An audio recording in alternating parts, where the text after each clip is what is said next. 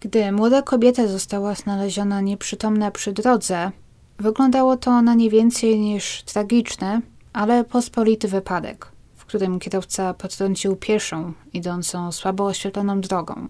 Gdy w szpitalu pojawił się jej mąż, który wydał się personelowi dosyć dziwny, rozpoczęło to długą i zawiłą sagę o mężczyźnie z wieloma fałszywymi tożsamościami, który był dla niej wpierw ojcem, potem mężem, a okazał się być jej oprawcą. Jest to też historia o uprowadzonym dziecku, a w zasadzie o dwóch uprowadzonych dzieciach. I w tym wszystkim jeszcze o innym, rozwiązanym w końcu morderstwie. Witam ponownie w aneksie. Dziś mam dla Was kolejną sprawę, którą można nazwać sprawą takiego cięższego kalibru, ponieważ dzieje się tutaj mnóstwo porąbanych, nie mam lepszego słowa na to, mnóstwo porąbanych rzeczy. Natomiast, żeby też być fair, muszę wspomnieć, że w dzisiejszym odcinku będziemy wspominać o przemocy wobec dzieci, również o prawdopodobnym morderstwie dziecka. Już pewnie wiecie, ja nigdy nie zagłębiam się jakoś wyjątkowo, jakieś drastyczne szczegóły, ani nic z tych rzeczy, chyba że jest to jakoś wyjątkowo potrzebne, ponieważ ma duże znaczenie dla całej historii, ale tym razem chyba tak nie będzie.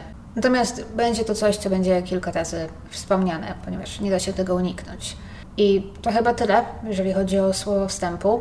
Usiądźcie sobie wygodnie. Dla tych, którzy oglądają, pewnie widzą teraz, że z tyłu towarzyszą mi koty, które sobie śpią w najlepsze. Weźcie sobie klasycznie jakieś piciu, usiądźcie sobie wygodnie i zapraszam na dzisiejszą historię.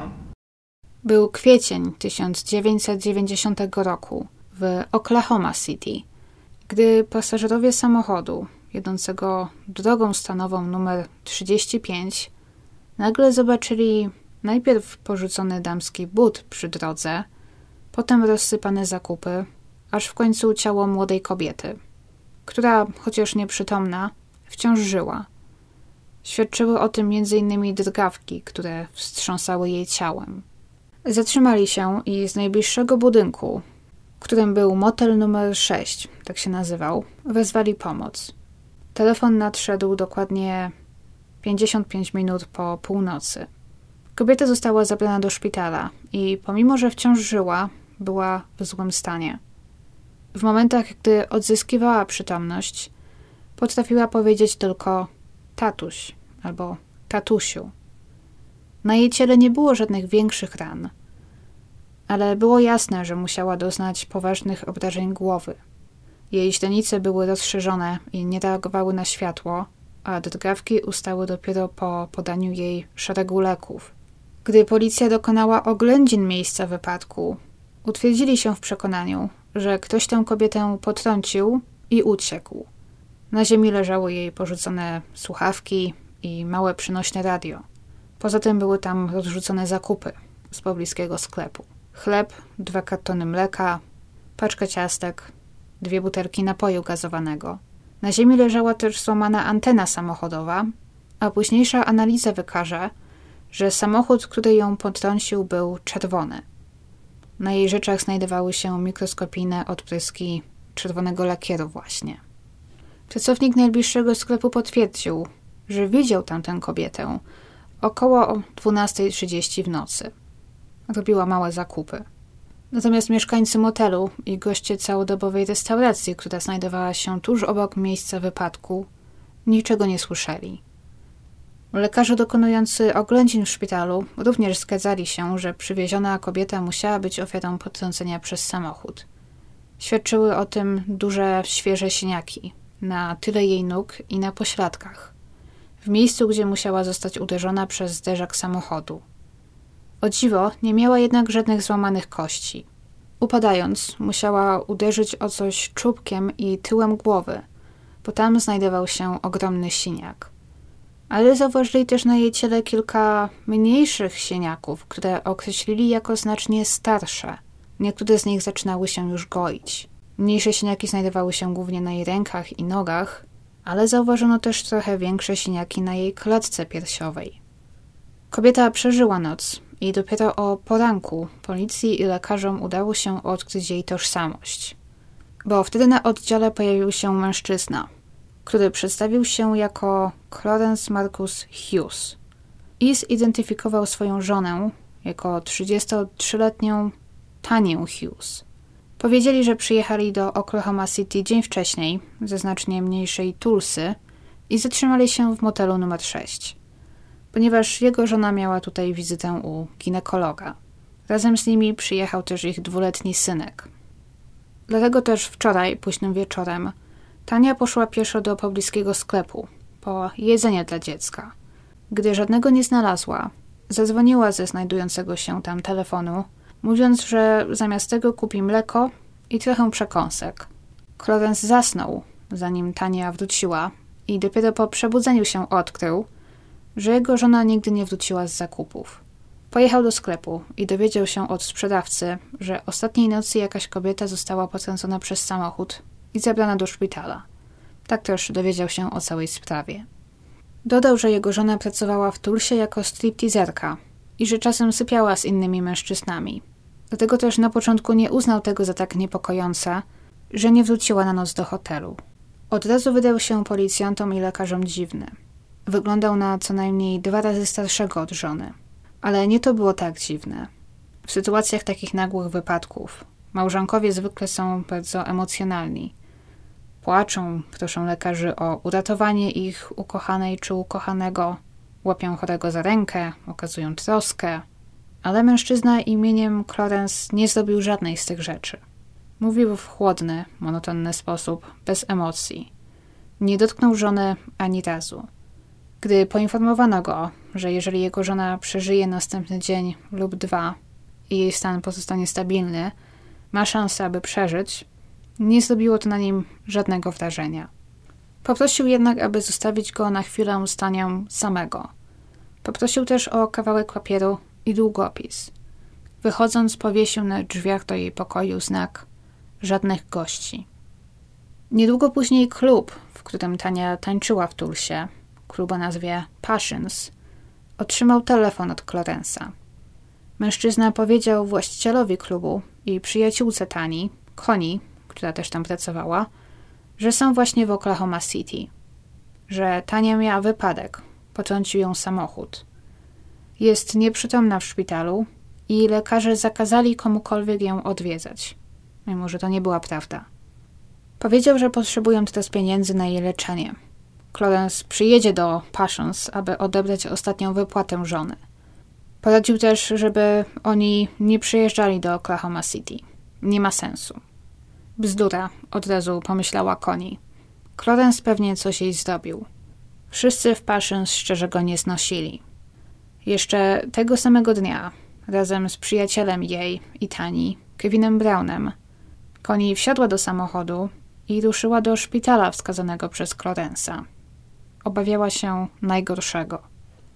Connie poznała Tanię poprzedniej jesieni, gdy ta zaczęła pracę w Passions. Jej wygląd i osobowość stanowiły niesamowity kontrast. Tania wyraźnie przeszła niedawno szereg operacji plastycznych, lecz wykonanych chyba za ułamek normalnej ceny. Jej piersi i pośladki były powiększone do takich rozmiarów, że wyglądało to komicznie. Rozmowa z nią ujawniała jednak, że dziewczyna była cicha i skromna. Dużo czytała, zawsze miała ze sobą książkę, w którą zagłębiała się w czasie wolniejszych zmian. Nie piła alkoholu i zdawały się nie interesować ją narkotyki, które też nie były rzadkością w Passions. Przedstawiła się jako Tania Don Hughes. Jej panieńskie nazwisko brzmiało Tadlock, ale niedawno wyszła za mąż za Clarence'a Hughes, z którym miała dwuletniego syna Michaela. Rodzina mieszkała w małym, ciasnym domu mobilnym na tanim osiedlu. Przenieśli się tam z Florydy, gdzie Tania również pracowała w podobnym klubie. Connie, której prawdziwe imię brzmiało Karen, szybko zaprzyjaźniła się z Tanią. Obie miały dużo wspólnego. Karen była na studiach i tę pracę traktowała jako coś, co pomoże jej wyżyć w tym czasie. Tania jej tego zazdrościła. Nikt w klubie nie rozumiał, jak Tania skończyła z tak beznadziejnym typem jak jej mąż. Był kontrolujący. Dzwonił czasami kilka razy w ciągu nocy, aby upewnić się, że Tania jest w pracy. Odwoził i przywoził ją z klubu. Tania jako jedyna pracowała siedem dni w tygodniu. prawie nigdy nie biorąc wolnego. Powiedziała, że mąż oczekuje od niej, że z każdej zmiany przyniesie minimum 200 dolarów. W innym wypadku był wściekły. Wszyscy zauważali siniaki na ciele Tani. Clarence nie pracował, jak też wiedzieli. Rodzina żyła jedynie z pieniędzy zarobionych przez Tanię. Nikt nie mógł zrozumieć, co ta kobieta robi z tym facetem. Nikt tak dobrze jak ludzie pracujący w tym klubie nie potrafił rozpoznać kontrolującego przemocowca. Wszyscy nakłaniali Tanię do zostawienia męża. Nie mogę, odpowiedziała raz. Uciekłam już kiedyś dwa razy i za każdym razem mnie znalazł. Powiedział, że za trzecim razem mnie zabije. Widząc nowe siniaki Tani, jej koleżanki i nawet ochroniarze w klubie wpadali w szał. I gdy tylko Clarence pojawiał się na parkingu, aby odebrać żonę, byli gotowi go pobić, aby dać mu nauczkę. Tania ich powstrzymywała. On was zabije, mówiła. Ma znajomości wszędzie, nawet w policji. Tania w tamtym momencie prawdopodobnie wiedziała, że jej mąż zabił wcześniej przynajmniej jedną osobę. Dziewczyny w tym klubie jednak zdołały sparować Tanię ze znanym im gościem klubu, studentem nazwiskiem Kevin Brown, którego uznały za idealnego chłopaka dla Tani. Specjalnie dla niej. Kevin spędzał teraz każdy wolny wieczór w Passions. Byli uważani tam za parę. I Kevin, jak później powie, myślał o Tani poważnie. Rozmawiali o tym, aby zabrać jej syna Michaela i uciec od męża, tak aby ten ich nie wytropił. Tania stawała się coraz bardziej zdeterminowana. Raz przyznała Koni, że wszyscy mają rację. Najwyższy czas zostawić tego okropnego człowieka, nawet jeżeli ryzykuje to życiem. Wiedząc o tym wszystkim, Connie i Kevin nie mogli nie mieć podejrzeń, że za wypadkiem Tani stoi coś więcej. Podczas ich wizyty w szpitalu Tania odzyskała na chwilę przytomność i poruszyła ręką w ich stronę, jakby rozpoznając ich głosy. Usłyszeli od lekarza, że to dobry znak. Przy odrobinie szczęścia Tania wróci do siebie. Lekarze wyrazili też swoje obawy co do dziwnego męża kobiety. Po raz pierwszy spotkali się z tym, aby ktoś wywieszał znak zakazujący gości na sali rannej im bliskiej osoby. Do tego jego dziwna obojętność. I ich syn Michael, Pielęgniarki odniosły wrażenie, że chłopczyk wygląda na zaniedbanego. W ogóle nie płakał. Był brudny i pachniał dawno niezmienioną pieluchą.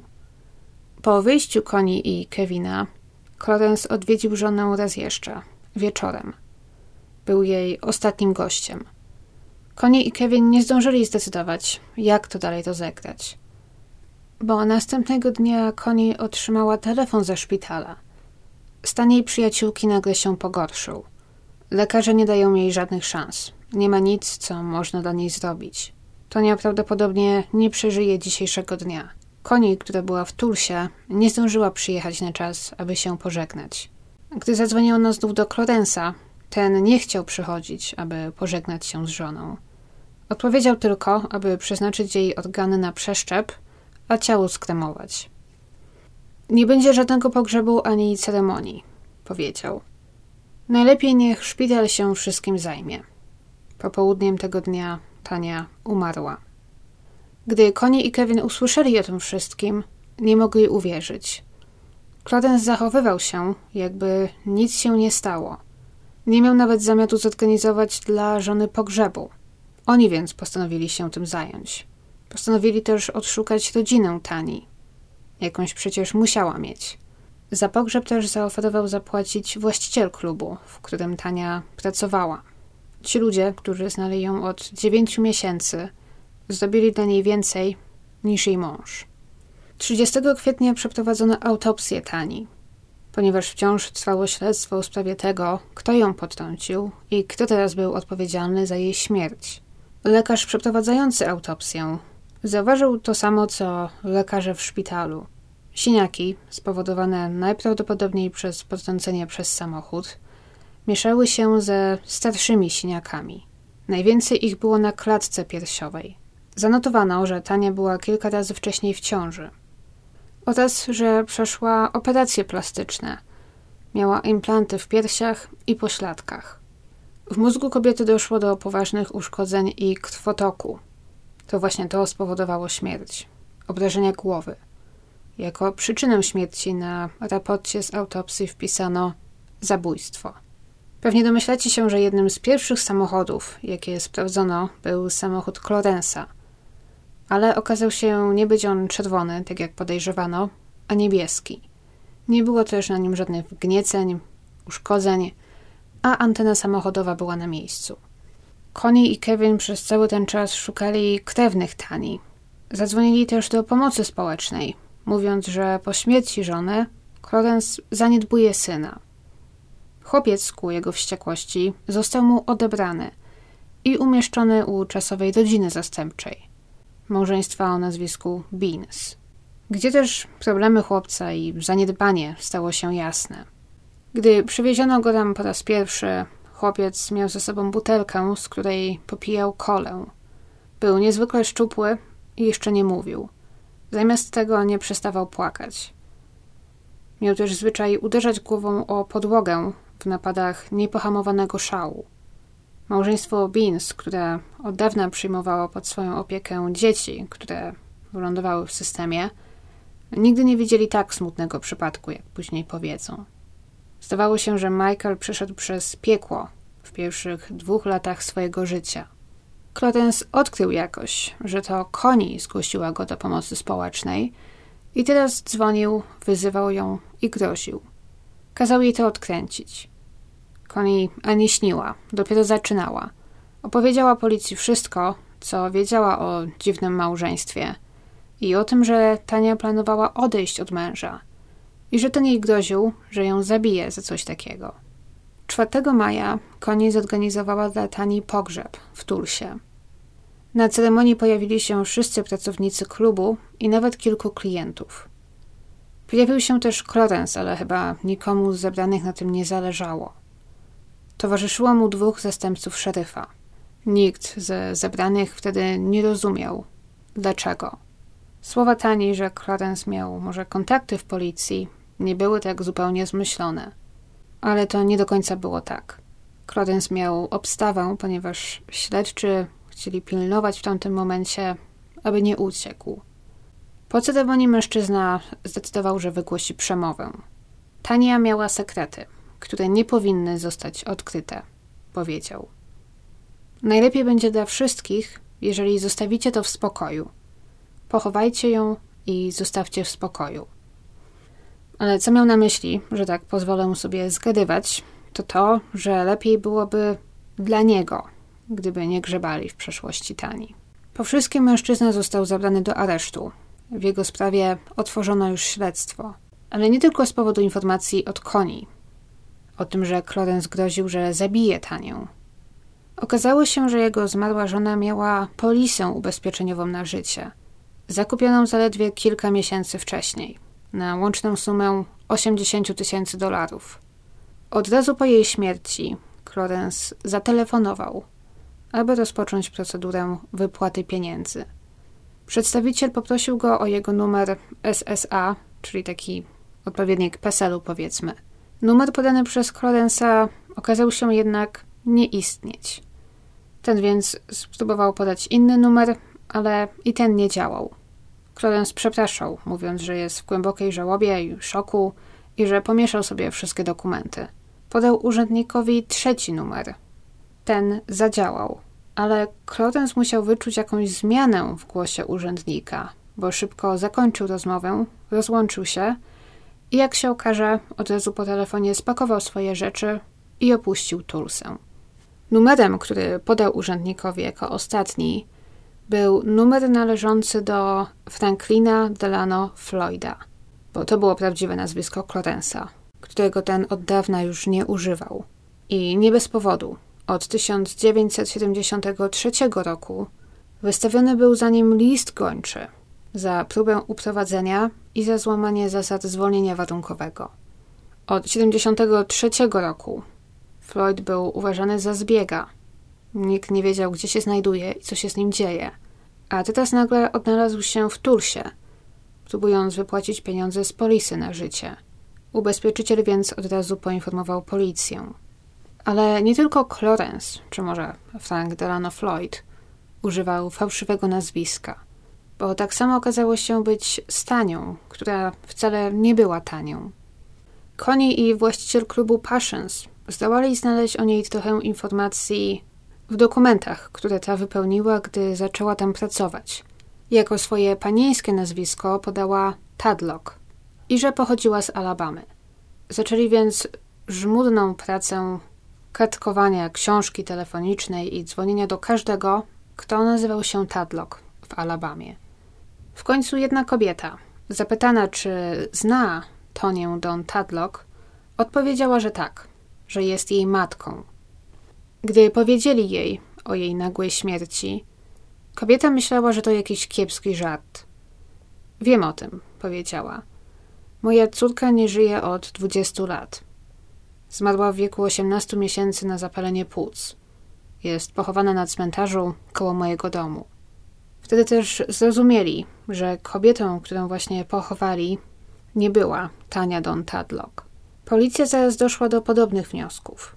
Prawo jazdy, które Tania miała przy sobie, było autentyczne, ale okazało się, że uzyskano je na podstawie sfałszowanego aktu urodzenia. Zdobyto też dowód ich małżeństwa. Tonia i Clarence, czy też Frank Delano Floyd, pobrali się w 1989 roku w Luizjanie. To kim była Tania i dlaczego poślubiła kogoś takiego jak Franklin Delano Floyd, to będzie zagadka, której rozwiązanie zajmie długie lata. Zanim do tego przejdziemy, musimy trochę pomówić o osobie Franklina Floyda, który przyszedł na świat w roku 1943 w Georgii. Jest jednym z tych przestępców, którzy mieli bardzo traumatyczne dzieciństwo. Przynajmniej on tak twierdzi. Jego ojciec zmarł, gdy Floyd miał zaledwie rok i jego matka, nie mogąc sama utrzymać dużej gromadki dzieci, jaką mieli, była zmuszona oddać dzieci pod opiekę domu dziecka. Dom dziecka w latach 40. Możecie sobie wyobrazić, jak to wyglądało. Przypominało bardziej więzienie niż ośrodek dla dzieci. Z surowymi zasadami dzieci, poza tym, że chodziły do szkoły, musiały pracować na roli, aby zarobić na wyżywienie. Kary cielesne za każde przewinienie były standardem – Matka dzieci głęboko żałowała, że musiała je oddać do tego miejsca. Odwiedzała je też najczęściej jak mogła. Franklin wyrośnie nienawidząc jej. Później też opowie wiele strasznych historii z tamtego miejsca. Między innymi o tym, że gdy miał 6 lat, został zgwałcony przez inne dzieci. Faktem jest, że kary cielesne i złe traktowanie były nagminne. W książce Mata Birketa o tej sprawie Pojawia się taka anegdota o opiekunie, który zaczął bić jednego z nastoletnich wychowanków ośrodka w towarzystwie innych nastoletnich chłopców. Ci mieli dość tak niesprawiedliwych i dotkliwych kar i że mieli przewagę liczebną. Tym razem rzucili się na pomoc koledze i pobili opiekuna.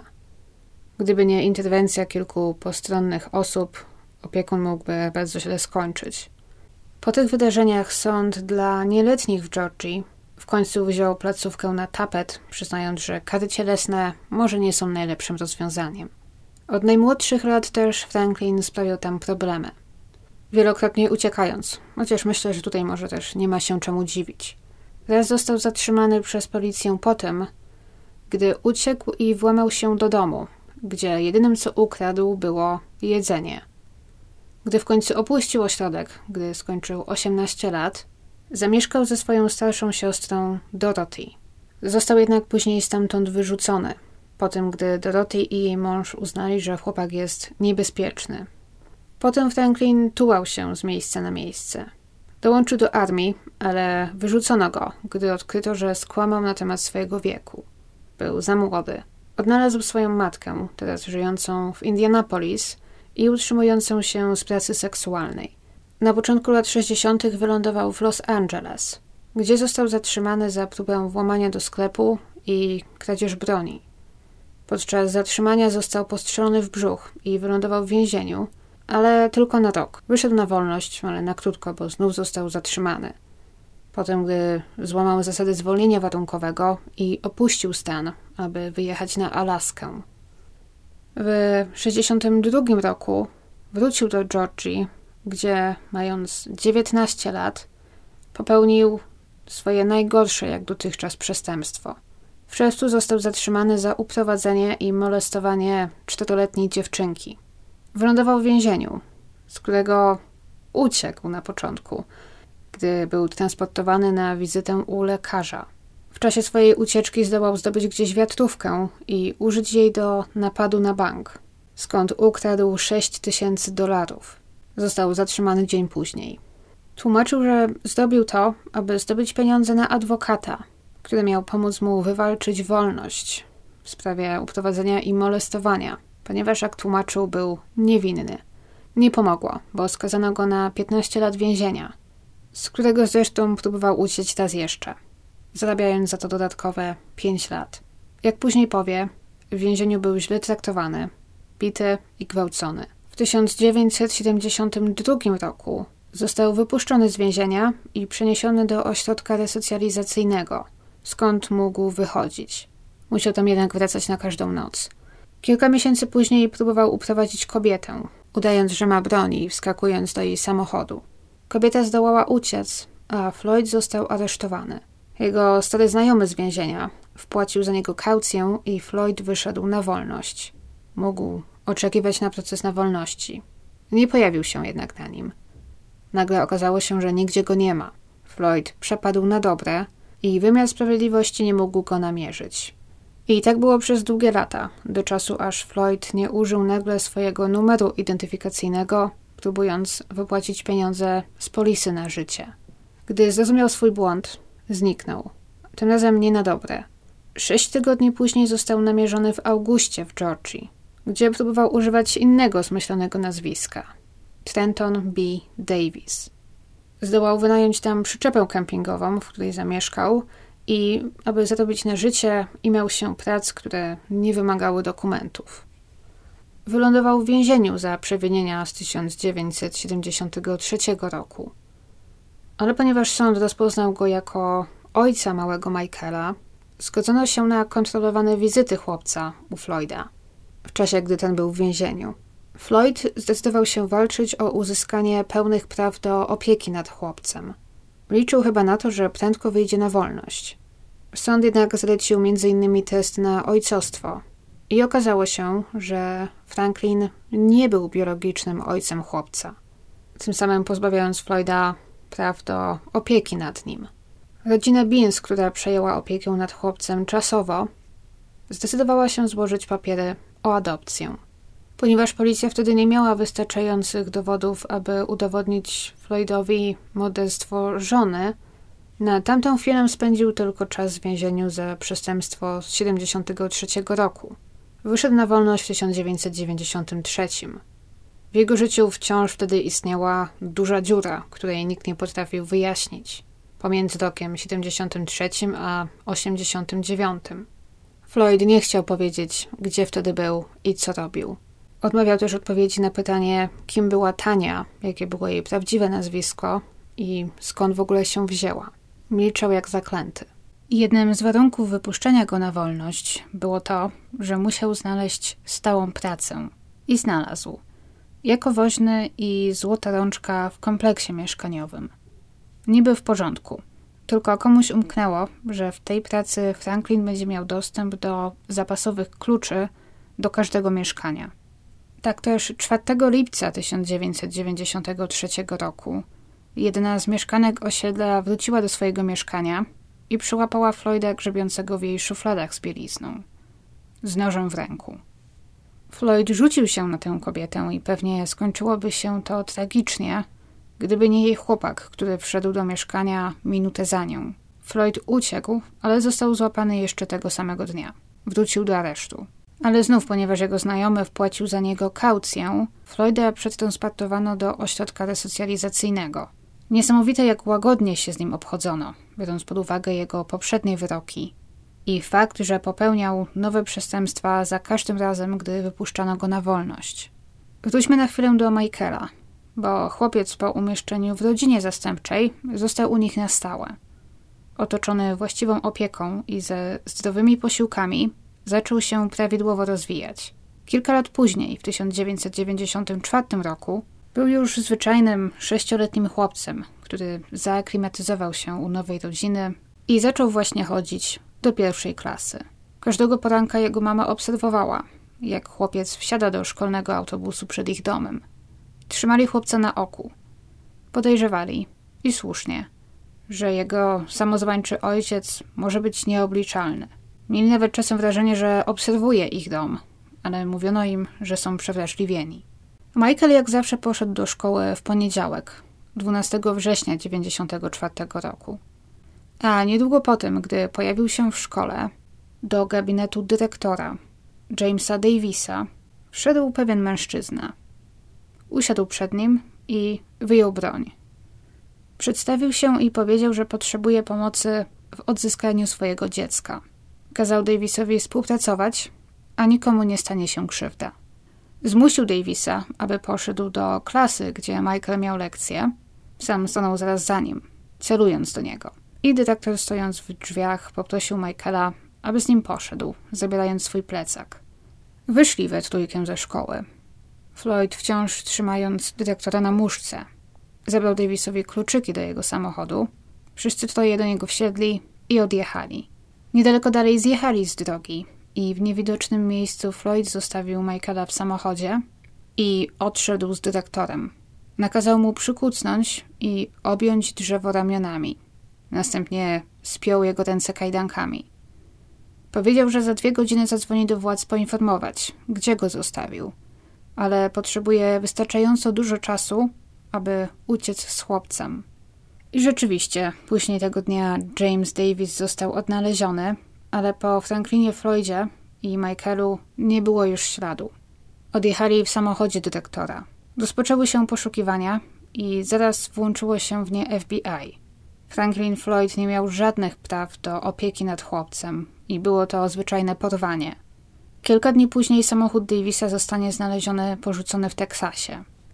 I gdy FBI zaczęło zbierać wszystkie informacje o Franklinie Delano Floydzie, niektórzy nie mogli uwierzyć, jak często ten wymykał się prawu i jak łagodne kary otrzymywał. W końcu, przy większym nakładzie siły, ta dziura w jego przeszłości od 73 do 89 roku zaczęła się powoli wypełniać. Odkryto, że w latach 1975 do 78 Floyd mieszkał w Oklahoma City pod nazwiskiem Trenton B. Davis i pracował jako woźny w szkole. Na początku lat 80. przeniósł się krótko do Louisville w Kentucky. To tam też zaczął po raz pierwszy używać nazwiska Warren Marshall. W 1982 roku przeniósł się w okolice Atlanty, a następnie do Phoenix w Arizonie. W końcu po raz ostatni jako Warren Marshall przebywał w Tampie na Florydzie w 1988 roku. Stamtąd musiał przenieść się do Tulsy w Oklahomie, gdzie pojawił się jako Clarence Hughes, z tajemniczą młodą kobietą i jego żoną, Tonią Hughes, która, jak już wiemy, również używała fałszywego nazwiska. Michael był jej dzieckiem, ale nie Floyda. Im więcej jednak odkrywano o Floydzie, tym gorzej sprawa wyglądała. W szczególności, że dni upływały bez wieści o nim i o Michaelu. Przeszukanie rzeczy, które Floyd po sobie zostawił, udowodniło, że kobieta znana jako Tania musiała być z nim znacznie dłużej niż od 1988 lub 1989 roku, jak twierdził. Floyd miał zdjęcia jej i Michaela oraz też zdjęcia jej, gdy była znacznie młodsza, wyglądała na nastolatkę. Kimkolwiek była, Floyd musiał znać ją dłużej. Wyszli w posiadanie zdjęcia, które ich zafascynowało. Otrzymali je od mężczyzny, który znał Floyda w latach 70., wtedy pod nazwiskiem Trenton Davis. Zdjęcie zrobione u fotografa przedstawiało Floyda, młodszego o jakieś 20 lat, ale zdecydowanie był to on. I blond włosą dziewczynkę, mającą może z 5 lat.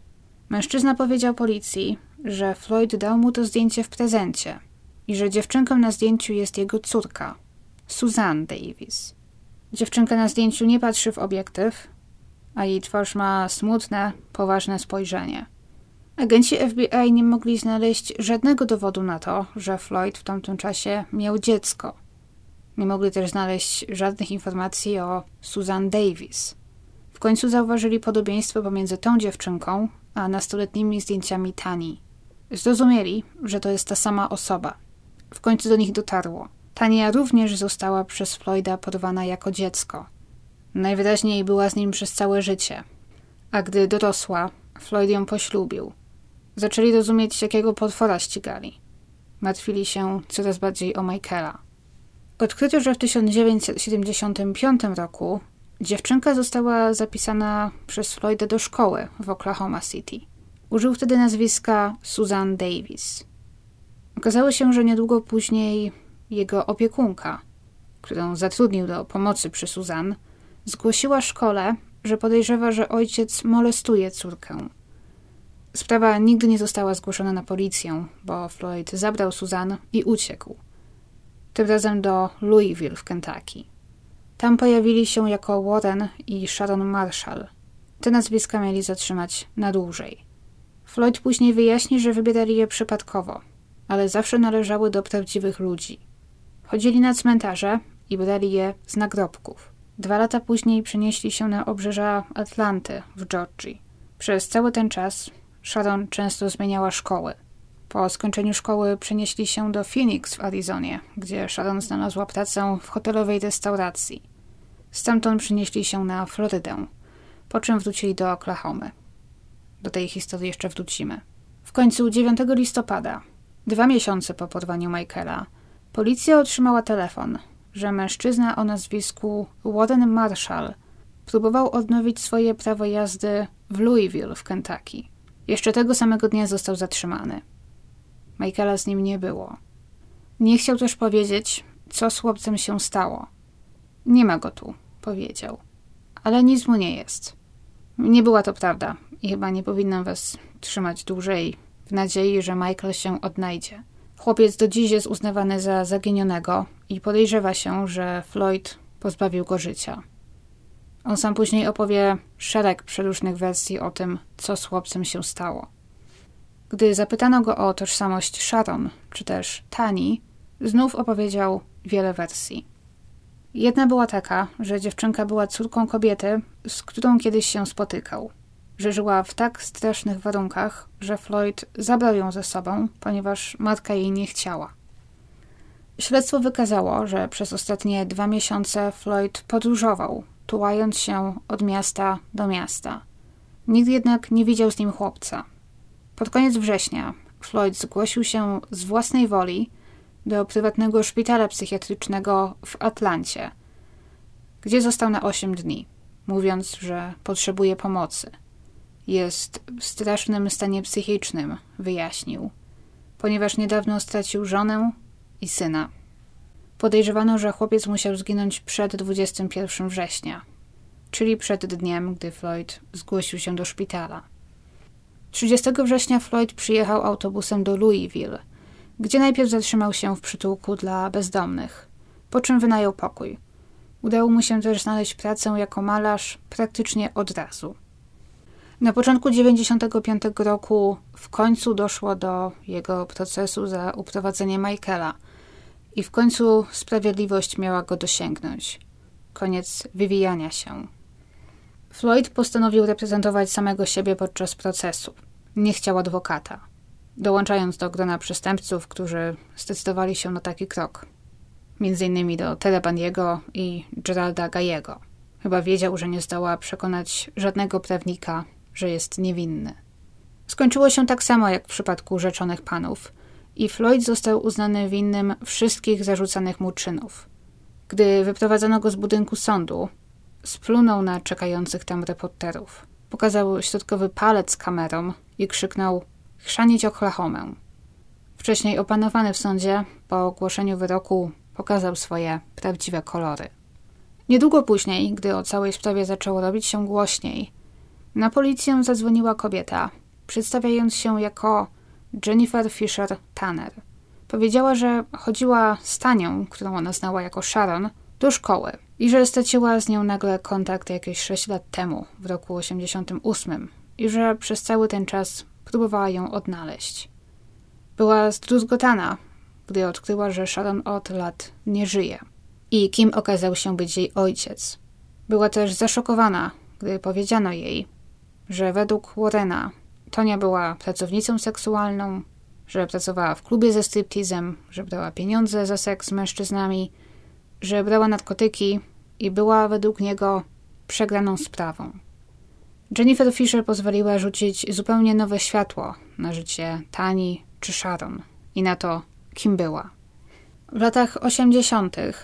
mieszkali w Georgii, Forest Park, to jest na obrzeżach Atlanty. Tam byli znani jako Warren i Sharon Marshall.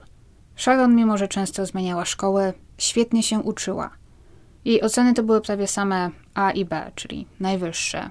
Jej IQ wynosiło aż 132, ponadprzeciętne.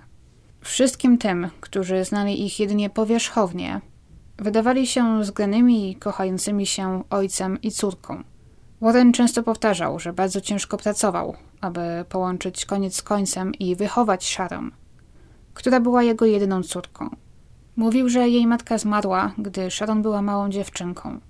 Będą tacy, którzy zauważą małą nieścisłość, bo czasem jej matka miała umrzeć na raka, a znów innym razem w wypadku samochodowym, w zależności komu akurat tę historię opowiadał. Nikt jednak nie uważał, że wypada o to wypytywać. Oceny i zachowanie Sharon były dobre, lecz było kilka rzeczy, które ją wyróżniały. Między innymi skąpe, krzykliwe stroje.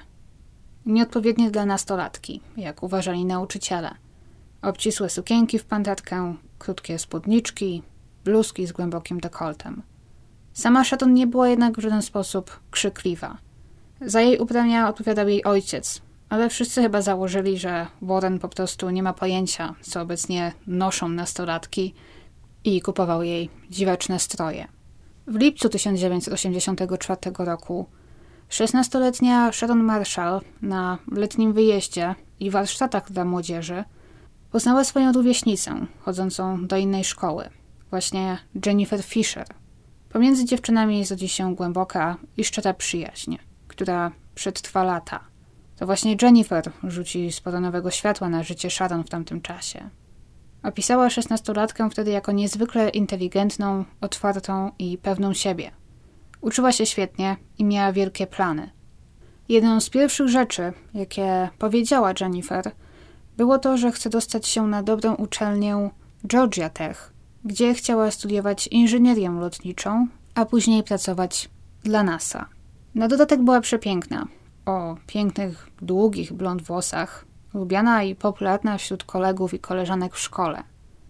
Z powodu ich częstych przeprowadzek jednak nigdy nie nawiązywała zbyt długich przyjaźni, lub później te przyjaźnie zamieniały się na przykład jedynie w pisanie listów. Tak samo będzie później z Jennifer. Ich relacja ograniczy się tylko do rozmów telefonicznych. Ktoś mógłby powiedzieć, ja bym się zgodziła, że jedyną skazą na idealnym obrazie Sharon był Warren, jej ojciec, który czasem trochę dominował jej życie i krzyżował plany. Pracował jako malarz, ale nie artysta, a malarz pokojowy. Z powodu problemów ze zdrowiem i kontuzji poniesionych kiedyś w wypadku na motorze, na które też stale narzekał, często nie miał pracy. Jego zdrowie wymagało też, aby Sharon się nim opiekowała, jak mówił. Zazwyczaj dziewczynka nie mogła brać udziału w zajęciach dodatkowych w szkole, jeżeli te trwały dłużej niż do około 16.30. O tej porze najpóźniej musiała być w domu, aby ugotować dla swojego ojca obiad i zajmować się domem, mimo że on zwykle całymi dniami siedział w domu. Jennifer później powie, że gdy rozstawały się po tych warsztatach, gdzie się poznały, Sharon poprosiła o jej numer telefonu, aby móc do niej zadzwonić. Nie wolno mi tego robić. Ojciec mi zabrania, powiedziała. Jennifer więc podała jej swój numer, prosząc, aby zadzwoniła. Ale gdy minęło kilka tygodni, a Sharon się nie odezwała, Jennifer udało się znaleźć jej numer na liście uczestników warsztatów. Zadzwoniła więc. Odebrała Sharon, mocno wystraszona. W tle Jennifer słyszała męski głos. Krzyczący, że Sharon miała nikomu nie podawać ich numeru. Sharon zaczęła tłumaczyć, że nikomu go nie dała i że jej koleżanka zdobyła go inaczej. Połączenie szybko się zakończyło, ale Sharon później odzwoniła i już spokojnym, zrelaksowanym głosem wytłumaczyła. Mój tata był zły, bo nie wolno mi podawać naszego numeru telefonu. ale cieszę się, że zadzwoniłaś. Tak też ich znajomość, a później przyjaźń potoczyła się dalej. Sharon stała się częstym gościem w domu rodziny Fisherów. Często zostawała tam na noc. Jej ojciec, możliwie na początku niechętny tej przyjaźni, zmienił zdanie, gdy zobaczył imponująco duży dom Fisherów. Było jasne, że mieli pieniądze. Poznał ich po raz pierwszy, gdy przywiózł Sharon na jej pierwszy z wielu noclegów w tym domu. Przedstawił się i wydał się znacznie milszy, niż gdy Jennifer usłyszała go po raz pierwszy, krzyczącego przez telefon. Porozmawiał krótko z jej rodzicami i zostawił nawet swoją wizytówkę, mówiąc, że szuka pracy jako malarz i gdyby oni lub jego sąsiedzi potrzebowali jego usług, to będzie bardzo szczęśliwy. Nie najgorsze pierwsze wrażenie, jakie zrobił na rodzicach Jennifer, w ciągu następnych wizyt legło w gruzach. Już następnego dnia, gdy odbierał Sharon, zapytał ojca Jennifer, czy popytał wśród znajomych, czy ktoś potrzebuje jego usług. Nie, odparł pan Fisher, zdziwiony. Widzieli się zaledwie wczoraj wieczorem. Niby kiedy miałby to zrobić? Przy następnym spotkaniu Warren poprosił ich o pożyczenie kilkuset dolarów. Odmówili. Prośba powtórzy się jeszcze kilka razy. I Fisherowie odniosą wrażenie, że Warren jest oszustem. Raz zdarzyła się też dziwna sytuacja, gdy wrócili do domu w weekend po zakupach, po zakupach i zobaczyli poobijane auto Warrena na swoim podjeździe. Sharon nie zapowiadała się wcześniej tego dnia z wizytą. Ani córki, ani ojca nie było w samochodzie, ani nigdzie w zasięgu wzroku. Założyli, że może poszli na spacer, aby na nich zaczekać. Jednak gdy weszli do domu, zastali ich w salonie. Warren leżał na sofie, a Sharon siedziała w fotelu. Wyglądała, jakby płakała. Warren wstał, mówiąc, że musiał się na chwilę położyć, ponieważ jego kręgosłup go wykańcza. Przywiózł Sharon, aby została u nich na noc. Mimo, że była to niezapowiedziana wizyta, Fisherowie nie mieli nic przeciwko. Chcieli jednak wiedzieć, jak ich nieoczekiwani goście dostali się do środka. O, drzwi od garażu były otwarte, wyjaśnił Warren, więc pozwoliliśmy sobie wejść. Nie został długo, chyba chcąc uniknąć pytań, i wyszedł mówiąc, że wróci rano po Sharon. Fisherowie wiedzieli, że drzwi od garażu zostawili na pewno zamknięte. Wychodząc, uruchomili też alarm. Podejrzewali, że może Warren lub Sharon odkryli kod. Rozejrzeli się po domu, sprawdzili kosztowności. Nic nie zginęło, uznali z ulgą. Ale utwierdziło ich to jedynie w przekonaniu, że Warren Marshall jest dziwakiem. Nie przeszkodziło im to jednak pokochać Sharon, która będzie częstym gościem w ich domu. Trochę tak jakby fakt, że straciła matkę i miała dziwnego ojca, spowodował, że polubili ją jeszcze bardziej i starali się otoczyć opieką. Jennifer później powie, już potem, gdy dowie się całej prawdy, że Sharon wyrastała na niezwykle nieprzeciętną dziewczynę, w szczególności w świetle tego, czego doświadczała w domu. Bo z nich dwóch to Jennifer była tą nieśmiałą, lekko zakompleksioną i z problemami w nauce. Jak później powie, to Sharon pomogła jej zyskać pewność siebie i popychała ją do walczenia o swoje. Spędziły razem mnóstwo czasu, jak zwyczajne nastolatki – plotkując o szkole, chłopakach, filmach, planach na przyszłość. Sharon dużo czytała. Wiele ją interesowało i gdyby tylko ktoś nie zaprzepaścił jej szansy, miała predyspozycję, aby dużo osiągnąć.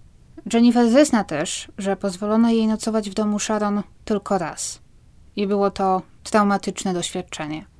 Okazało się, że rodzina Marshall mieszka w małym, zaniedbanym domku z zarośniętym trawnikiem – ale to akurat Jennifer nic nie obchodziło. Cieszyła się, że spędzi czas ze swoją najlepszą przyjaciółką. Z powodu swojego młodego wieku nie odczytała wielu niepokojących znaków, jakie zauważyła w ich domu. W żadnym spokoju nie było drzwi, a zamiast tego rozsuwane zasłony. Jennifer w swojej naiwności założyła po prostu, że marszalów nie stać na drzwi. Sharon oprowadziła ją po małym domu, jednak nie pokazała jej jednego pokoju, w którym Jennifer zdążyła dostrzec telewizor i masę kaset wideo, zanim Warren zasunął zasłonę. Nikomu nie wolno wchodzić do tego pokoju, wyjaśniła Sharon. Warren był całkiem miły. Zabrał je do restauracji na kolację i deser. Jedąc tam włączyli radio i śpiewali piosenki. Było wesoło. Lepiej niż Jennifer oczekiwała. Może poza tym, że Warren zaproponował, aby pojechali na ulicę znaną jako taka dzielnica czerwonych latarni i aby pośmiali się z pracujących na ulicy kobiet. Żadna z dziewczyn nie miała ochoty na tak dziwną i wątpliwą rozrywkę. Po kolacji więc Warren miał kolejny pomysł. Zabierze je potańczyć. Jennifer była zachwycona. Jej rodzice nigdy by jej na to nie pozwolili. Wrócili więc do domu, aby dziewczyny mogły się przebrać w coś odpowiedniego. Przebrały się w ubrania Sharon, które, jak Jennifer zauważyła, były bardziej typowe dla dorosłej kobiety niż nastolatki. Zwykle skąpe i kolorowe. Do tego Sharon miała masę ładnej, dorosłej bielizny. Tata mi to kupuje, wyjaśniła. Znów, Jennifer chyba była zbyt młoda, aby dostrzec, że jest to niepokojące. Zamiast tego pomyślała, że Warren to wyluzowany ojciec. Jej rodzice oszaleliby, gdyby coś takiego kupiła. Warren zawiózł je na okoliczną dyskotekę, gdzie zabrał na chwilę ochroniarza na stronę i przekonał go, nie wiadomo jak, aby wpuścił te dwie wyraźnie niepełnoletnie dziewczyny do środka. Po czym je tam zostawił. Jennifer była na początku zagubiona. Nigdy nie była w takim miejscu, nigdy nie była na dyskotece. Ale nie był to chyba pierwszy raz dla Sharon. Potrafiła tańczyć i odnajdowała się tam doskonale. Ostatecznie spędziły razem całkiem miło czas. Warren odebrał je o północy i zabrał do domu. Gdy szykowały się do spania, miała miejsce kolejna dziwna sytuacja. Warren nagle wpadł do ich pokoju, twarz wykrzywiona w gniewie i trzymając broni, celując do nich, zaczął krzyczeć, dlaczego jeszcze nie śpią. Przecież kazał im iść spać. Jennifer nie mogła uwierzyć w to, co widzi. Sharon zaczęła płakać, a Warren opuścił broń i roześmiał się. Żartowałem. Następnego dnia Sharon przeprosiła przyjaciółkę za zachowanie ojca i wyjaśniła, że on taki już jest. Ma takie poczucie humoru. Natomiast są dwie różne wersje tej historii. Według książki na tym się skończyło, ale według wersji, którą Jennifer opowiedziała w dokumencie Netflixa, tamtej nocy Warren zgwałcił Sharon przy Jennifer, której nakazał zakryć twarz poduszką, aby niczego nie widziała. Cokolwiek się nie wydarzyło, nastoletnia Jennifer nigdy nikomu dorosłemu o tym nie powiedziała. Zesna to dopiero po latach. Na początku 1986 roku Sharon została przyjęta na Georgia Tech. Dostała też pełne stypendium. Była zachwycona. Mimo, że obawiała się reakcji swojego ojca, powiedziała Jennifer, że i on był zadowolony i nie miał nic przeciwko. Sharon musiała jeszcze tylko dokończyć ostatni semestr w liceum i już mogła pójść na studia. Coś jednak stanęło jej na drodze.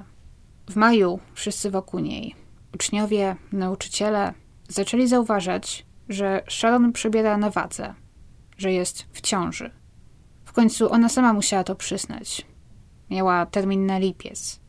Ojcem, jak wyjaśniła, był prawdopodobnie jej licealny chłopak, Curtis. Warren był wściekły. Postanowił, że Sharon urodzi dziecko i oddaje do adopcji. Może też zapomnieć o studiach, powiedział. Dziewczyna była załamana. Uciekła nawet razem z Curtisem z domu, ale para została szybko namierzona przez Warrena.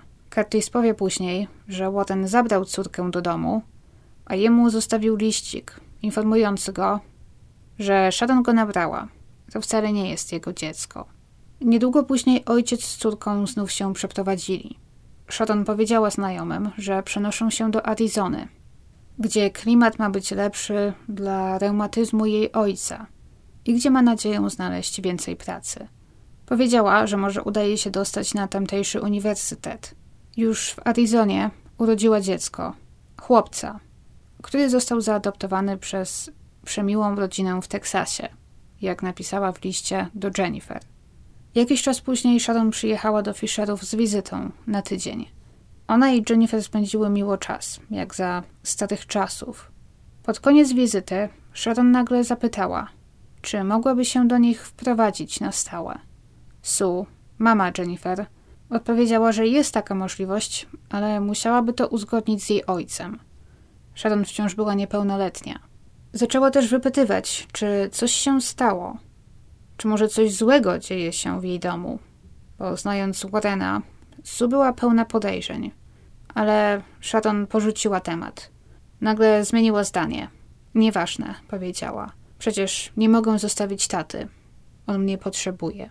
Rodzina Fisherów będzie sobie potem długo wyrzucać, że nie naciskali bardziej, że nie naciskali, aby powiedziała, o co chodzi. Będą źli, że nie byli bardziej podejrzliwi w stosunku do Warrena, że nie zatrzymali wtedy siłą dziewczyny u siebie, nawet jeżeli mieliby wpaść przez to w kłopoty.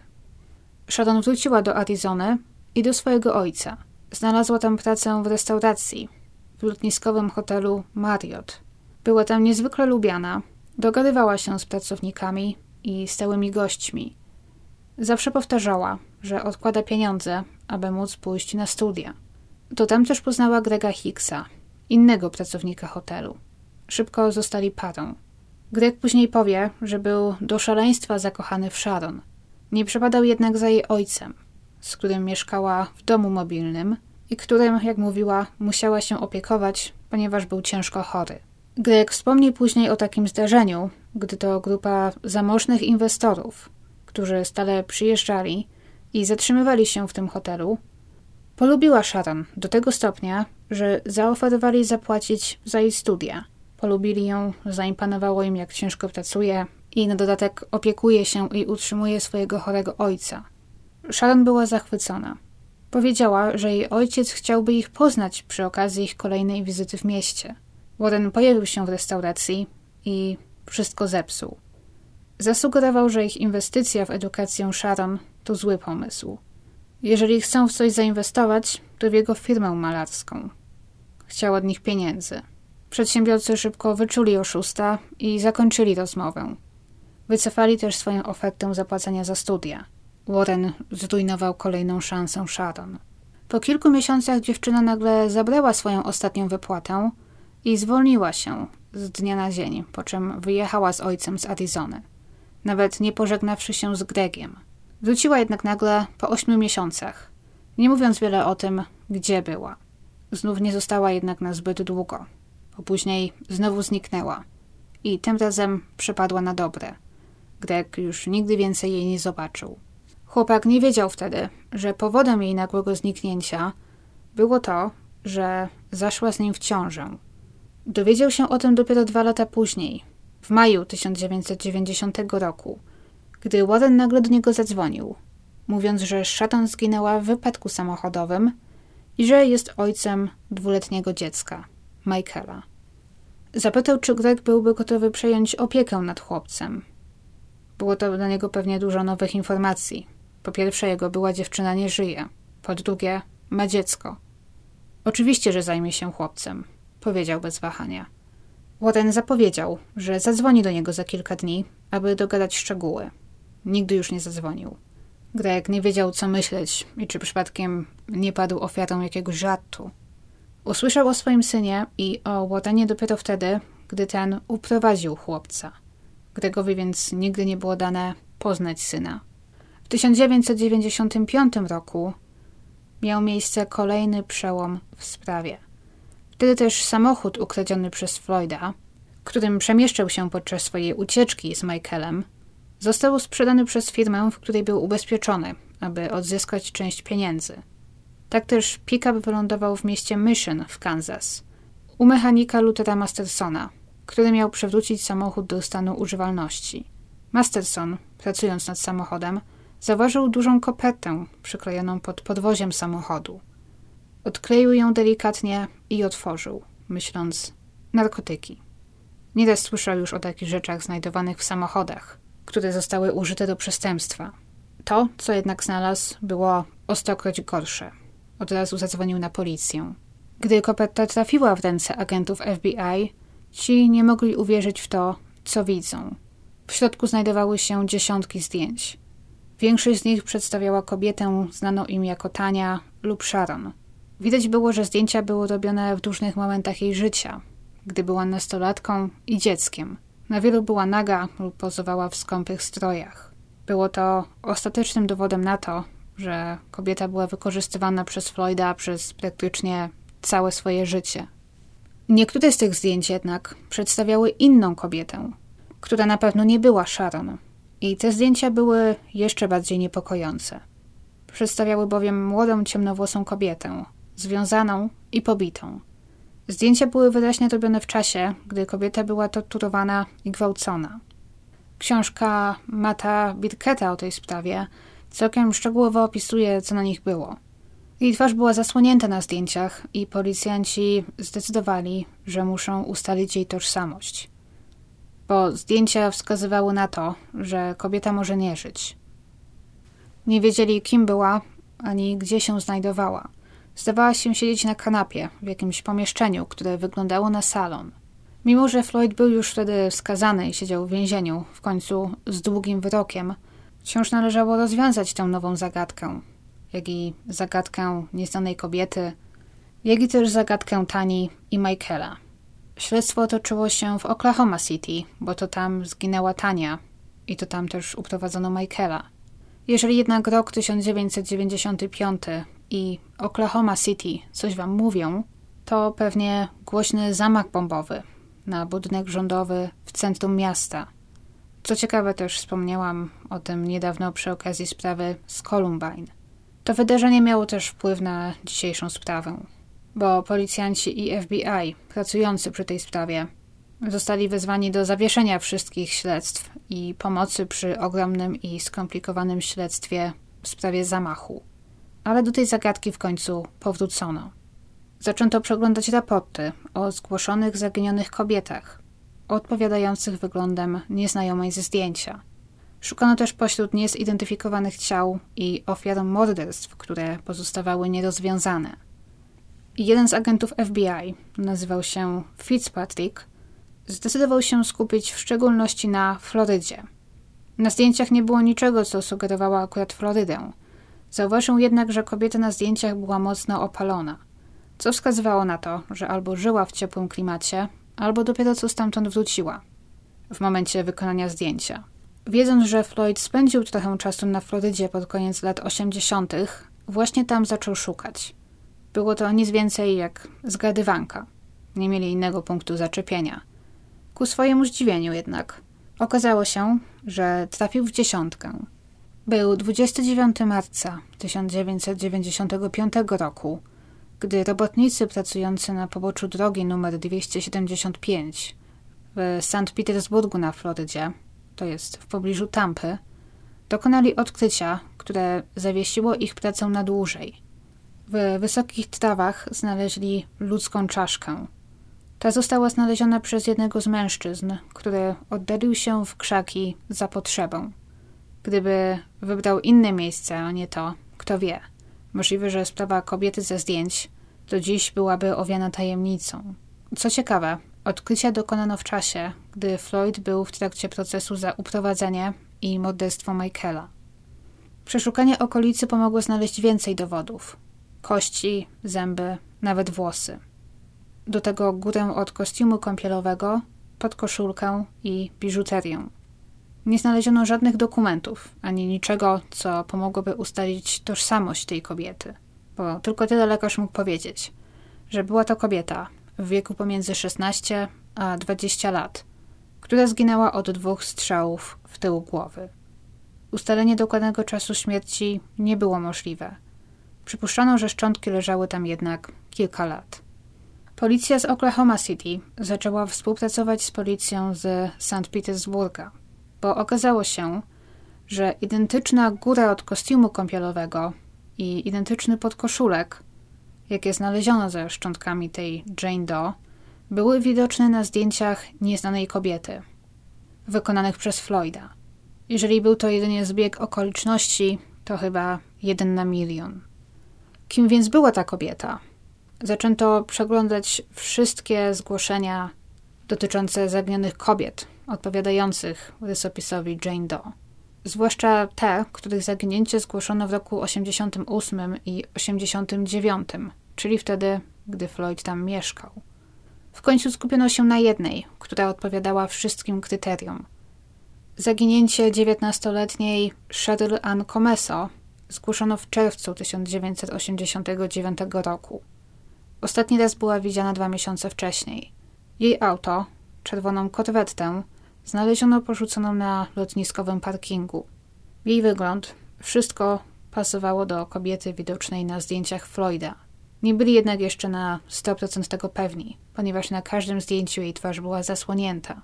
Ale policja była w posiadaniu czaszki Jane Doe. Zdobyto więc prześwietlenia zębów Cheryl Ann od jej dentysty i okazały się one pasować. Dzięki pracowitości policjantów, wytrwałości i odrobinie szczęścia, te osobne śledztwa w końcu pozwoliły rozwiązać trzy zagadki. Kim była kobieta ze zdjęć Floyda? Kim była Jane Doe, znaleziona w 1995 roku? I co stało się z Cheryl Ann Comesso? Ale teraz, kim była Cheryl Ann? Co miała wspólnego z Floydem? I jak ona pasuje do całej tej układanki? Policja zastanawiała się, czy były jakieś dowody na to, że ta dwójka się znała. Okazało się, że tak. I aby to wyjaśnić, musimy przejść w końcu do kolejnego rozdziału, powiedzmy, w życiu Floyda i Sharon. Bo wiemy, że żyli dłużej w Atlancie, później przenieśli się na krótko do Arizony, aż w końcu na Florydę. O ich życiu na Florydzie jeszcze nie mówiliśmy. Policjanci odkryli, że przed swoim zniknięciem Cheryl Ann Comesa była tancerką w klubie ze striptizem, tak samo jak Tania przed śmiercią. Pracowała w klubie Mon Venus w Tampie. Gdy policjanci pojawili się w tym klubie ze zdjęciami Cheryl oraz ze zdjęciami Sharon Marshall i Floyda, pracownicy od razu rozpoznali całą trójkę.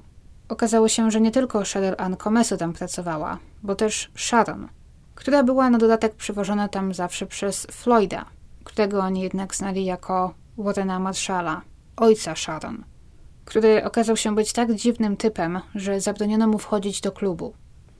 Sharon i Warren więc po wyjeździe z Arizony zamieszkali w Tampie. Wynajęli tam dom mobilny na obrzeżach miasta. Razem z nimi mieszkał malutki wtedy synek Sharon, Michael. Warren zmusił Sharon do zatrudnienia się w klubie ze striptizem, gdzie to też poznała Cheryl Ann Comeso, pełną życia tancerkę, marzącą o karierze w Hollywood. Klub Mon Venus, w odróżnieniu od klubu Passions w Tulsie, gdzie Sharon będzie pracować następnie, miał znacznie lepszą reputację i można było w nim zarobić sporo pieniędzy. Odwiedzali go nawet celebryci. W czasie, gdy Sharon tam pracowała, gośćmi byli m.in. członkowie zespołu Metallica i Van Halen. Sharon poznała niektórych z nich i zrelacjonowała to Jennifer Fisher przez telefon. To były jedne z ich ostatnich rozmów. Później ich kontakt się urwie. Sharon jednak nigdy nie powie przyjaciółce, jaką pracę wykonywała dokładnie. Powie jej jedynie, że była hostessą w klubie, który często odwiedzali celebryci. Warren przywoził Sharon do pracy i na początku nawet siedział w klubie przez cały czas trwania jej zmiany. Wszyscy pracownicy klubu byli nim zniesmaczeni. Oto facet, który podawał się za ojca Sharon, przywoził ją do pracy w klubie, oglądał jak jego córka tańczy i jeszcze jej dopingował. W klubie, gdzie tańczyły też inne kobiety, on skupiał się najbardziej na Sharon.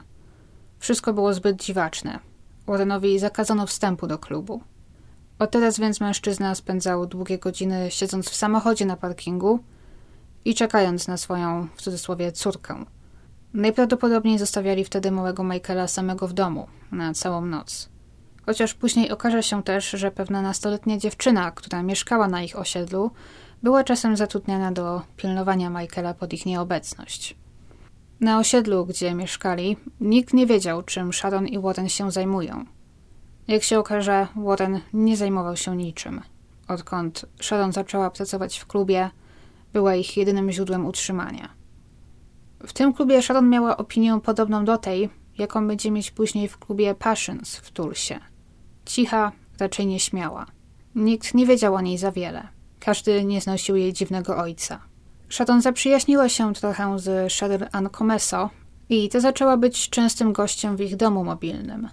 Mieszkańcy ich osiedla później powiedzą, że dobrze zapamiętali Cheryl Ann, która zwykle używała imienia Stevie. Zapamiętali też jej czerwoną korwetę, którą zawsze zauważali zaparkowaną przed ich domem. Na tym tanim osiedlu samochód wyróżniał się. Warren zaczął nawet coś w stylu krótkiego związku, romansu z Cheryl Ann Comeso. Ta, jak powie znajomej, nie była nim szczególnie zainteresowana, ale utrzymywała znajomość, ponieważ Warren twierdził, że ma znajomości w Hollywood i że pomoże znaleźć jej tam pracę w filmach dla dorosłych. Nagrał nawet amatorski film z nią i z Sharon. Poza tym Sharon znalazła w tampie chłopaka, Karego Strukera, który też spędzał o nich dużo czasu i który nie mógł zrozumieć przywiązania jego nowej dziewczyny do ojca, bo ten traktował ją jak przedmiot, nie osobę. Według Karego to był pomysł Warrena, aby Sharon przeszła operację powiększenia piersi i pośladków. Uznał to za dobrą inwestycję. Tym sposobem Sharon zarobi więcej swoim ciałem. Operacja była tania, bo Warrenowi najwyraźniej nie zależało tak bardzo na końcowym efekcie, czy na bezpieczeństwie Sharon. Została przeprowadzona więc kiepsko i w tygodniach po operacji dziewczyna skarżyła się na ból i ciężko było jej podnieść się z łóżka. Efekt był groteskowy. Warren naciskał na największe implanty, przez co ciało drobnej Sharon wyglądało nienaturalnie. Ona sama też nie była z niego zachwycona. W odróżnieniu od Warrena, który chwalił się wszystkim nowym ciałem córki. Ojciec zachwycający się biustem swojej córki wprawiał wszystkich postronnych w osłupienie. Sharon jak zawsze nie komentowała jego uwag. Co najwyżej uśmiechała się lub zmieniała temat. Jej energia i uwaga zawsze zdawały się być skupione tylko na jej małym synku. Warren liczył na to, że Sharon będzie nie tylko zarabiać pieniądze tańcząc w klubie, ale zacznie też grać w filmach dla dorosłych. W międzyczasie zaczął też organizować jej seks za pieniądze. Zaczął wozić ją na randki z mężczyznami. Tak też samozwańczy ojciec woził córkę do tanich moteli, gdzie czekał w samochodzie cierpliwie na koniec randki, po czym zabierał Sharon zarobione przez nią pieniądze. Kobieta była praktycznie jego niewolnicą. Jako jedyna pracowała praktycznie każdą noc w klubie. Za zarobione przez nią pieniądze Warren kupił sobie łódź. I miał chyba nadzieję, że w podobny sposób uda mu się wykorzystać Cheryl Ann Comeso. Obiecał, że załatwi jej rolę w filmach dla dorosłych i sesję w Playboyu. Bardziej doświadczone koleżanki z klubu kazały jej trzymać się od niego z daleka. Cheryl przekonała się, że koleżanki miały rację, po tym gdy przyjęła propozycję od Warrena, aby popływać z nim jego nowo zakupioną łodzią po jeziorze Okeechobee. Na łodzi Cheryl odmówiła seksu z Warrenem. W odpowiedzi na co ten uderzył ją w twarz i próbował związać siecią wędkarską. Cheryl zdołała wyskoczyć z łodzi, dopłynąć do brzegu i uciec. Od tego czasu zerwała wszelki kontakt z Warrenem i unikała go. Ten był wściekły. Wyzwaniał do klubu w poszukiwaniu jej. Chciał znać jej adres. Był oczywiście ignorowany. Jego wściekłość urosła jeszcze, gdy czeki z pomocy społecznej dla Sharon przestały przychodzić. Praca w klubie Sharon była oczywiście na boku, na czarno. Oficjalnie Sharon była bezrobotna. A ponieważ dopiero co urodziła dziecko, otrzymywała z tego tytułu pieniądze, które też w całości zabierał Warren. Nagle jednak nadszedł list, informujący, że płatności zostały wstrzymane i że w sprawie Sharon rozpoczęto śledztwo, ponieważ nadeszła anonimowa wskazówka, że Sharon ma dodatkowe źródło dochodu, którego nie zgłosiła. Warren był pewien, że za anonimową wskazówką stoi Cheryl, która wiedziała o ich czekach z pomocy społecznej. Mówił o tym, że chce się na niej zemścić. Raz napadł ją na parkingu przed klubem i próbował ściągnąć do samochodu. Ochrona zareagowała na czas. Wiosną 1989 roku wszyscy pracownicy klubu zaczęli zauważać, że Sharon znów jest w ciąży. W podobnym czasie też Cheryl Ann Comeso przestała pojawiać się w klubie. Wiele osób sądziło, że wyjechała, aby uciec od Warrena. A sam Warren i Sharon również niedługo później spakowali się i opuścili Tampę. Niedługo przed ich wyjazdem łódź Warrena niespodziewanie zatonęła. Ten od razu zgłosił to do firmy, w której była ubezpieczona, o wypłacenie odszkodowania. Zamiast pieniędzy jednak otrzymał list informujący go, że w jego sprawie otworzono śledztwo. Łódź wyłowiono i okazało się, że ktoś przestrzelił jej dno, doprowadzając do zatopienia. Podejrzewano Warrena i pewnie słusznie o próbę wyłodzenia odszkodowania. A 16 czerwca 1989 roku opuszczono już wtedy dom mobilny, który wcześniej w Tampie zajmowali Warren i Sharon, spłonął w tajemniczym pożarze, który okazał się być podpaleniem. Udowodniono, że Warren nie przebywał już wtedy w Tampie. Nie mógł więc podpalić domu osobiście. Ale policja wierzy, że musiał za tym stać. Możliwe, że wynajął kogoś do podpalenia domu. Policjanci mieli też całkiem dobrą hipotezę roboczą, dlaczego Warrenowi mogło na tym zależeć. Znalezione zdjęcia przedstawiające związaną i pobitą Cheryl Ann Comeso w ostatnich momentach jej życia zostały bez wątpliwości wykonane właśnie w salonie tego domu mobilnego. Wszyscy, którzy odwiedzili Sharon i Warrena w ich domu w tamtym czasie, rozpoznali meble widoczne na zdjęciu. Warrenowi mogło zależeć na spaleniu domu, ponieważ chciał pozbyć się wszystkich możliwie pozostawionych tam śladów, wszystkich dowodów na to, że Cheryl Ann Comeso została tam zamordowana. Wiemy, że Floyd nie mógł osobiście spalić domu, ponieważ wtedy był już w drodze. Opuścił Florydę razem z Sharon. I dokładnie 15 czerwca zatrzymali się w Nowym Orleanie, gdzie Warren poślubił Sharon, swoją wcześniej córkę. To wtedy też zmienili nazwiska z Sharon i Warren Marshall na Clarence Hughes i Tania Hughes. Policjanci wierzą, że jednym z powodów, dla którego Floyd poślubił kobietę, było to, że Sharon musiała wiedzieć, że zrobił coś Cheryl. Niektórzy podejrzewają, że Sharon mogła nawet być obecna, gdy Cheryl zginęła. Poślubiając ją, chciał upewnić się, że Sharon nie będzie mogła przeciwko niemu nigdy zeznawać, jeżeli do tego dojdzie. Możliwe też, że ten ruch miał jeszcze jeden cel. Sharon mogła uchodzić za jego córkę, gdy była niepełnoletnia. Miał nad nią kontrolę, ale teraz, gdy zyskała pełnoletność, szanse na to, że w końcu tupnie nogą i od niego ucieknie, zwiększały się. Tym sposobem mógł ją łatwiej kontrolować. Bycie jej mężem było też mniej dziwne niż bycie jej ojcem. Ciężej było wytłumaczyć, dlaczego dorosła, pracująca kobieta mieszka przez cały czas ze swoim ojcem i ten nie odstępuje jej na krok. Zostaje na jakiś czas w Nowym Orleanie. W sierpniu Sharon, teraz Tania, urodziła tam córkę, jej trzecie dziecko. Dziewczynka została oddana do adopcji. Jesienią przyjechali do Tulsy. Warren zawsze z jakiegoś powodu wracał do Oklahomy właśnie. I tak nasza historia zatoczyła koło. Bo teraz Tania rozpoczęła pracę w klubie Passions. To miała być jej ostatnia praca w życiu. Teraz może rozumiecie, dlaczego Tania bała się swojego męża i miała opory przed zostawieniem go. Wiedziała najwyraźniej, że ten zabił Cheryl Ann Comeso i że uszło mu to na sucho. Nie było wątpliwości, że Floyd zabiłby Tanię, gdyby ta sprzeciwiła mu się lub stała w jakimkolwiek stopniu zagrożeniem. Możliwe więc, że zaczął planować śmierć Tani, gdy wyczuł, że ta może od niego odejść. Bo okoliczności potrącenia Tani w kwietniu 1990 roku były dziwne. Udowodniono, że Floyd nie potrącił jej swoim samochodem. Jednak tego, który w nią uderzył, nigdy nie znaleziono. Floyd powiedział też, że przyjechali do Oklahoma City, ponieważ Tania miała wizytę u lekarza. Nie potrafił jednak wskazać, u jakiego lekarza dokładnie, gdzie, o której, kiedy ta wizyta miała mieć miejsce. Ich przyjazd do Oklahoma City więc zdawał się nie mieć konkretnego celu. Możliwe, że Floyd zorganizował morderstwo Tani. Zwłaszcza, że zaledwie kilka miesięcy wcześniej nakazał jej wykupić polisę na życie – po co zdrowej młodej kobiecie polisa na życie?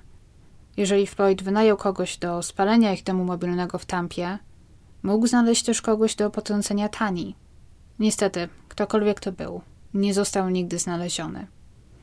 Oczywiście wciąż istnieje prawdopodobieństwo, że Tania zginęła w wyniku przypadkowego wypadku.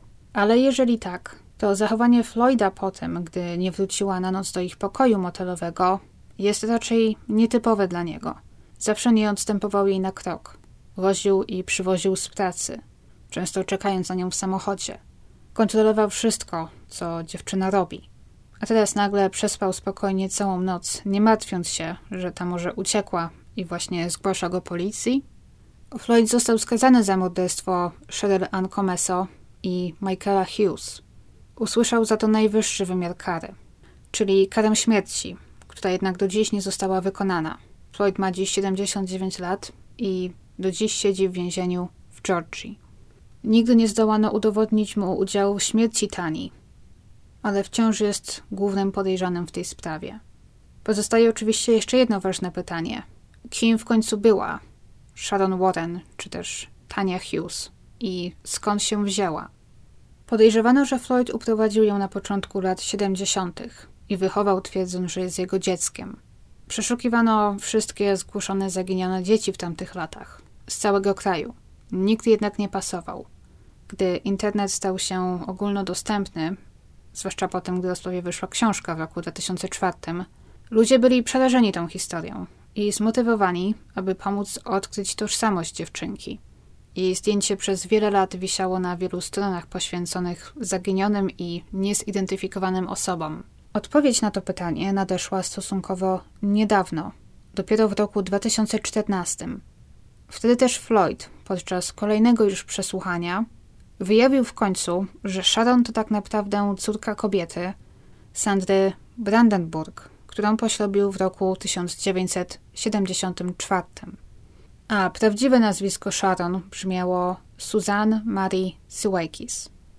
Co jeszcze bardziej zaskakujące, oboje rodzice biologiczni Susan wciąż żyją. Historia opowiedziana przez Floyda różni się trochę od historii Sandry, ale w wielkim skrócie. Poznali się w Karolinie Północnej. Sandra była wtedy samotną matką czwórki dzieci. Właśnie Susan Siwakis, która przyszła na świat w 1969 roku i była jej najstarszym dzieckiem. Miała też dwie młodsze córki, Alison, Amy i dwuletniego syna Filipa. Floyd i Sandra pobrali się szybko. Mężczyzna obiecał Sandrze, że pomoże jej w wychowaniu i opiece nad dziećmi. Nigdy się nie rozwiedli. W 1975 roku Sandra została aresztowana za wystawienie czeku bez pokrycia i wylądowała w areszcie na 30 dni. Gdy wróciła do domu, odkryła, że Floyd zniknął, a razem z nim jej dzieci. Od razu zgłosiła sprawę na policję, lecz usłyszała, że ponieważ był jej mężem i został opiekunem prawnym jej dzieci, fakt, że zabrał je i wyjechał, nie może być traktowany jako zaginięcie czy uprowadzenie. Sandra nie mogła więc formalnie zgłosić, że jej dzieci zaginęły lub że zostały uprowadzone. Rozpoczęła szukanie dzieci na własną rękę i w końcu znalazła dwie młodsze córki w domu dziecka i wzięła je do siebie. Podejrzewała, że pozostała dwójka mogła zostać zaadoptowana. Miała rację co do najmłodszego syna, Filipa. Tego udało się odnaleźć dopiero w roku 2019 i faktycznie został wychowany w rodzinie zastępczej w Karolinie Północnej. Wygląda więc na to, że Floyd poślubił Sandrę, ponieważ był zainteresowany jej dziećmi. Gdy Sandra wylądowała w więzieniu, oddał do adopcji najmłodszą trójkę, po czym uciekł z najstarszą, z Suzanne. Wszystko zrobił z premedytacją. Nie wiadomo, jak wiele Susan pamiętała ze swojego dzieciństwa. Czy wiedziała, że jej matka, ojciec i rodzeństwo dalej żyją? A może, co bardziej prawdopodobne, Floyd zdołał ją przekonać, że nie ma nikogo innego na świecie i że jej matka faktycznie zginęła na przykład w wypadku samochodowym. Syn Susan, Michael, nigdy nie został znaleziony – chociaż w końcu w roku 2014 Floyd przyznał się do zabicia go. Michael dziś miałby 30 lat. Szanse, że wciąż żyje, są niskie. I mimo, że Floyd opowiedział wiele wersji co do tego, co stało się z chłopcem, i bądźmy szczerzy, nie można mu w nic wierzyć, nieoficjalnie opowiedział swojej siostrze, co się stało. Dorothy zrelacjonowała to policji. Powiedział jej, że utopił chłopca w motelowej wannie. Po tym, gdy zdał sobie sprawę, że chłopiec wcale nie chce z nim być i przyznał, że go nie kocha.